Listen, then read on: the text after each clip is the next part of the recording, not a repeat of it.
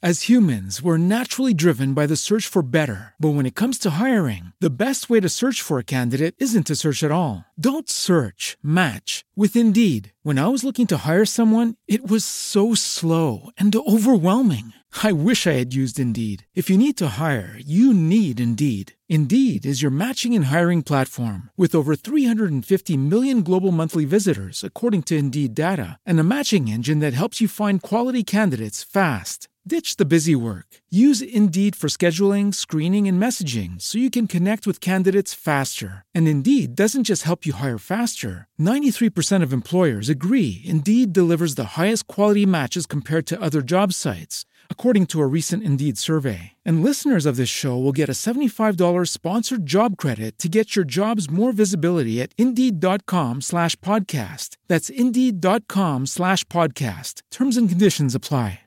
Lucky Land Casino asking people what's the weirdest place you've gotten lucky? Lucky? In line at the deli, I guess? Aha, in my dentist's office. More than once, actually. Do I have to say? Yes, you do. In the car before my kids' PTA meeting. Really? Yes. Excuse me, what's the weirdest place you've gotten lucky? I never win and tell. Well, there you have it. You can get lucky anywhere playing at LuckyLandSlots.com. Play for free right now. Are you feeling lucky? No purchase necessary. Void where prohibited by law. 18 plus. Terms and conditions apply. See website for details. Merhaba ben İnanç. Bir yaşam felsefesi olarak girişimcilik podcast serisine hoş geldiniz. Başkasının çıkardığı sese uyanma, eylem içinde düşün. Bakalım neler bizi bekliyor. Benim için çok keyifli bir kayıt oldu. Umarım sizler için de dinlemesi keyifli olur. Boğazdan geçen yelkenlilere bakıp ah bir yelkenlim olsa diye bakacağına bir tane balıkçı teknesi al. Gerçekten boğazda dolaş. Amaç e, yelkenliyle sağa sola hava atmak değilse tabii ki denizin içerisinde olmaksa çok ucuz bir şekilde bunu yapmak mümkün. Bu benim bu sıralar üzerine çok düştüğüm bir şey. Tüketim alışkanlıkları açısından da e, durdurucu bir tarafı var. Yani örnek vereyim. Genelde şöyleyizdir ya tüketime alıştırıldığımız için ya ah işte daha iyi bir defterim olsa güzel yazacağım ya da daha iyi bir kalem alayım da daha çok yazayım. Ya da yani ah işte bu çanta yerine şöyle bir çanta olsa da e, biraz daha organize olacağım. Hep böyle bizim hayatımıza dışarıdan büyülü bir değnek gibi gelecek bir ürünle kendi iyi halimizi eşleştirmeye çalışıyoruz. Ben de bunu yapıyorum. Çok yapıyorum hem de. Son dönemlerde şunu yapıyorum. Ee, eğer öyle bir şey düşünüyorsam şunu düşünüyorum hemen hemen ardından. Bunlar bahane. En kötüsüyle en kötü araç gereçle sen o şeyi yapmaya başla. Kötü araç gereçle o şeyi yapma işini seversen, devam ettirebiliyorsan, sürdürebiliyorsan sonra zaten iyileştirme yaparsın. Yani kalem değil hikaye. Her kalemle yazılır. Defter değil. Her defterle yazılır. Daha iyi bir video kamera elde edeyim de ondan sonra YouTube kanalı yapayım. Işıklarım olsun, sesim olsun. Geç bunları gerçekten. Ben artık geçiyorum yani. Ne var en hızlı eyleme geçebileceğim onunla başlıyorum. Ekipman büyütmek daha sonra kolaylıkla yapılabilir bir şey. İyi müzisyenleri düşünün. İyi bir müzisyenin eline hangi gitarı verirseniz ortalamanın üzerinde bir şey ortaya çıkarır. Ama iyi bir enstrümanı kötü bir icracıya verdiğinizde ne olursa olsun ne yaparsa yapsın hiçbir şey yapamayacaktır. İcranın iyiliği e, şeyden gelmez, enstrümandan gelmez. Bir noktadan sonra gelebilir ama sen o noktaya gelene kadar zaten telef olacaksın muhtemelen yapmayacaksın yani.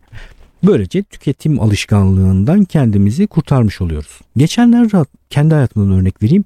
Sırt çantam işte laptopumu da taşıyorum içerisinde. Omuz ne denir ona? Omuzumuza takıyoruz omuzluk. Omuz askılarından birisinin bakaleti koptu. Yani çok böyle ufak bir şey ama omuz askısını da takamıyorum. Birbirine bağlayacak halim de yok. Ben de gittim bir yerde bir spor mağazasına. Çanta bakıyorum ya bakar mısın? Yani çanta bakıyorum. Çanta alacağım. O çantanın yerine başka çanta alacağım. Öyle dolaşırken dolaşırken ara bakalitler gördüm. Bakalit aldım. Eski çantama o bakaliti taktım ve şu anda o çantayı kullanıyorum. Yani şöyle söyleyeyim size muhtemelen bir insanın 10 yılda bir falan sırt çantası alması gerekir ama hepimiz ne yapıyoruz? Bir yeni sırt çantası bizim hayatımıza çok şey katacakmış gibi anlamlar yüklüyoruz ve tüketime kendimizi sevk ediyoruz.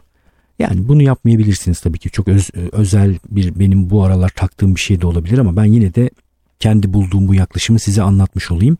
Şu aralar böyle paralayana kadar kullanmak üzerine bir eğilim geliştirdim. Her ne kullanıyorsam Onları paralamadan gardırobu büyütmüyorum. Ayakkabılar, belli sayıda ayakkabı var. Onlar yırtılacak yani. Ayakkabıyla artık ben dışarı çıktığımda işaret edecek yoldan geçenler beni. Hay yazık, yazık, yazık. Bu ayakkabıya bak falan diye. Bunu işaret etmeden önce tabii ben çıkarmış olacağım ayakkabıyı ama o noktaya gelecek. Ondan sonra hayatımdan o ayakkabı çıkacak. Yeni bir ayakkabı almayacağım. Şu andaki düşünce yapım biraz bu yani. Ne kadar devam ederim tabii ki bunu bilemiyorum. Umarım yaparım. Buraya gelirken bir şeyler atıştırdım. Daha önce gitmediğim bir restorana gittim. Burada bir AVM var biliyorsunuz. O AVM içerisinde Malatya yemekleri yapan adını hatırlamıyorum şu anda bir yer. İlginç geldi bana. Girdim. İşte çok uzun bir menü var. Bu gibi durumlarda garsona güveniyorum ben. Ne yiyebilirim, ne öneriyorsunuz diye sordum. O da bana abi işte yani en bizim böyle bilindik yemeğimiz bu Malatya kağıt kebabı var dedi. Onu yiyebilirsin. Tamam dedim Malatya kağıt kebabı yiyeyim. Olur. Malatya kağıt kebabı geldi. Kuzu etinden yapılmış. Çok güzeldi bu arada. Yedim. Sonra çıkarken sordum. Dedim nasıl tepkiler yani yenisiniz galiba. Çok iyi, çok güzel müşterilerimiz çok iyi. Peki dedim eti Malatya'dan getirebiliyor musunuz? Abi artık getirmiyoruz dedi. Niye dedim? Çünkü dedi insanlara ağır geldi dedi. Bizim dedi koyun eti biraz daha böyle e, ağır kokulu geldi insanlara. Yemediler. Ya aslında dedim ben Malatya'da da yedim bu tarz şeyler ama öyle bir koku gelmemişti bana. Tabi Amerikalılar mesela bunu yapar. Sushi'yi Amerikan versiyonuna dönüştürürler. Geleneksel sushi Amerikalılar için yemesi zor bir şey olduğu için bir böyle hafif versiyonunu üretirler. İstanbul'da da demek ki böyle şeyler oluyor. Yani sırf bölgenin yemiş olduğu e, tür e, ağır geldiği için insanlara ne, ne yapıyorlarmış onlar da Balıkesir'den et getiriyorlarmış onu kullanıyorlarmış. Peki nasıl fark ettiniz dedim ağır geldi şikayet mi geldi? Yok dedi biz dedi tabakları toplarken baktık ki tabaklarda çok yemek kalıyor. Onun üzerine anladık dedi böyle bir şey olduğunu. Bakın ne kadar güzel çok hoşuma yani bir sürü açıdan çok hoşuma gitti bu etkileşim. Bir kere işaretleri okuyan birileri var orada. Yani kale alıyorlar. Şöyle düşünmüyorlar ya biz yemeği sattık. Yemedi herhalde bitirmedi yemeğini ya da karnı doydu diye düşünmüyor. Şunu dert ediyor ya biz bizim yemek niye yenmiyor? Niye bitmedi bu yemek? Ve gerçekten insanlarla iyi yemeği buluşturmaya çalıştıkları için de problemi tespit etmeye çalışıyorlar. Muhtemelen ondan sonra da koku nedeniyle ya da ağır olduğu için olduğunu keşfettiler ve bunu gidermek için de bir iyileştirme yaptılar. Türkiye'de yine çok az bulunan bir şey. Çünkü Türkiye'de insanlar müşterileriyle geçtikleri etkileşimlerde e, kaybettiklerini bilemiyorlar. Yani o etkileşim müşteriyi kaybettiriyor onlara ama müşteri etkileşiminin böyle paradoksal bir tarafı var. Sana geri bildirim vermediği için neyi kaybettiğini bile bilemiyorsun. Onun için nasıl ki iş üreten, eyleme geçenler pırıl pırıl parlıyorlar, iyi bir noktaya geliyorlarsa Türkiye içerisinde özellikle işini iyi yapan, işaretleri okuyan, müşteri deneyimini iyileştirmeye çalışan yerlerde iyi hale geliyorlar. Şeyi düşünün şimdi abonelik sistemiyle telefonlar var, internet hizmetleri var, televizyonlar var. Ne kadar rahat giriyorsunuz değil mi içeriye? Buyurun hemen e, telefon onaylıyor musunuz? Sizi sisteme kabul ediyoruz. Onaylıyorum. Sonra tıkır tıkır otomatik işler çekiliyor. Çıkmak, çıkmak büyük bela. Mafyanın eline düşmüşsün gibi ya. Benim benden e, bir şeyleri belli bir yerdeki fiziksel merkeze götürüp teslim etmem falan istendiğini hatırlıyorum. Ama ben ne yapıyorum bunları? Kinci bir insan olarak bu, bu bunlara çok kinciyim.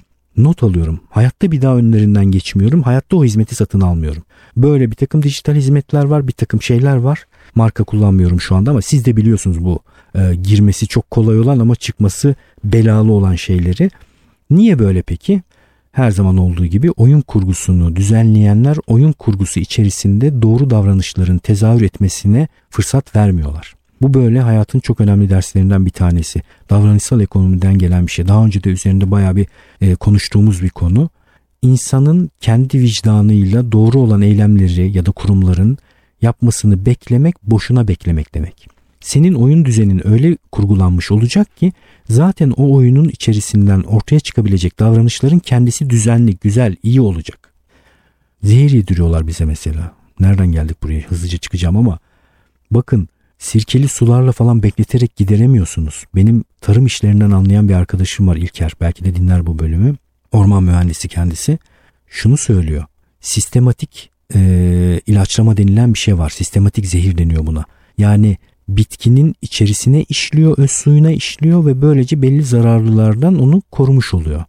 Ama doğru zamanlarda kullanılmazsa ve hasat için doğru zaman aralığı verilmezse o zehir bitkinin öz suyu içerisinde orada kalıyor. Bunları yediriyorlar bize. Vicdansızlar mı? Hayır ben vicdansız olduklarını düşünmüyorum. Tarlalarda ilaçlama yapıyorlar kendilerini de öldürüyorlar. Maske takmıyorlar.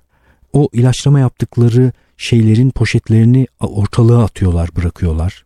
Şimdi biz tarım yapan insanların bize bu şeyleri ulaştıran insanların akıllarını, vicdanlarını kullanıp bize doğru şeyler getirmesini beklersek çok bekleriz. Ne yapılması gerekiyor? Oyun kurgusunun doğru yapılması gerekiyor. Belli yaptırımların olması gerekiyor.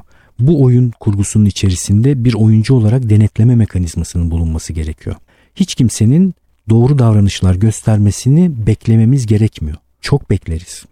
Vicdanlı taksicileri çok bekleriz. Hep bekleyeceğiz. Umarım ee, yani bir şekilde bu düşünce daha çok yayılır. Hep birlikte yayarız, anlatırız. Yani doğru oyun kurgularını yapmanın ne kadar önemli olduğunu ve bireylerin vicdanına bir şeylerin bırakılmasının ne kadar yanlış olduğunu. Vicdansız oldukları için değil. Çünkü ne bileyim Alman köylüsünden daha vicdansız niye olsun Türk köylüsü? Bu işleri üreten, tarımla uğraşan insanlar. Türk taksicisi doğuştan gelen bir bozukluğu niye olsun? Tabii ki yok. Yanlış oyunun içerisinde bir gün iyi oynamaya çalışırsın, iki, iki gün iyi oynamaya çalışırsın, üçüncü gün pes edersin. Artık mücadele edemezsin. Yapamazsın ve hep birlikte batarız. Bu kısmın çok önemli olduğunu düşünüyorum. Hatta davranışsal ekonomiyle ilgili böyle bir e, bir seri ders video çekip yayınlamayı falan da düşünüyorum. Biraz bu konudaki düşünceleri daha fazla insana yaymak gerektiğini düşünüyorum. E, eylem odağı içerisinde davranacak olursak yani ne yapmamız gerekiyor? Kendi eylem alanımız içerisinde bu meseleyle ilgili yapabileceğimizin en iyisini yapmamız gerekiyor. Sadece dile getirmek, durum tespiti yapmak yeterli ve doğru değil. Fikirlerimizi bulaştıracağız insanlara, bunu bol bol konuşacağız, e, şikayet edeceğiz ve biz öğreneceğiz, biz daha iyi hale geleceğiz ve böylece yavaş yavaş biraz daha iyi hale gelecektir diye düşünüyorum. Daha iyi çocuklar yetiştireceğiz. O, çocuklar kendi oyunlarını kurduklarında daha iyi oyunlar kuracaklar gibi gibi gibi böyle uzatılabilir. Evet, benim için yine çok keyifli bir kayıt oldu. Umarım sizler için de öyle olmuştur. Ben hızlı konuştuğumu düşünüyorum ama podcastleri iki kat hızla dinleyen biri varmış. Böyle bir şey yazdı bana.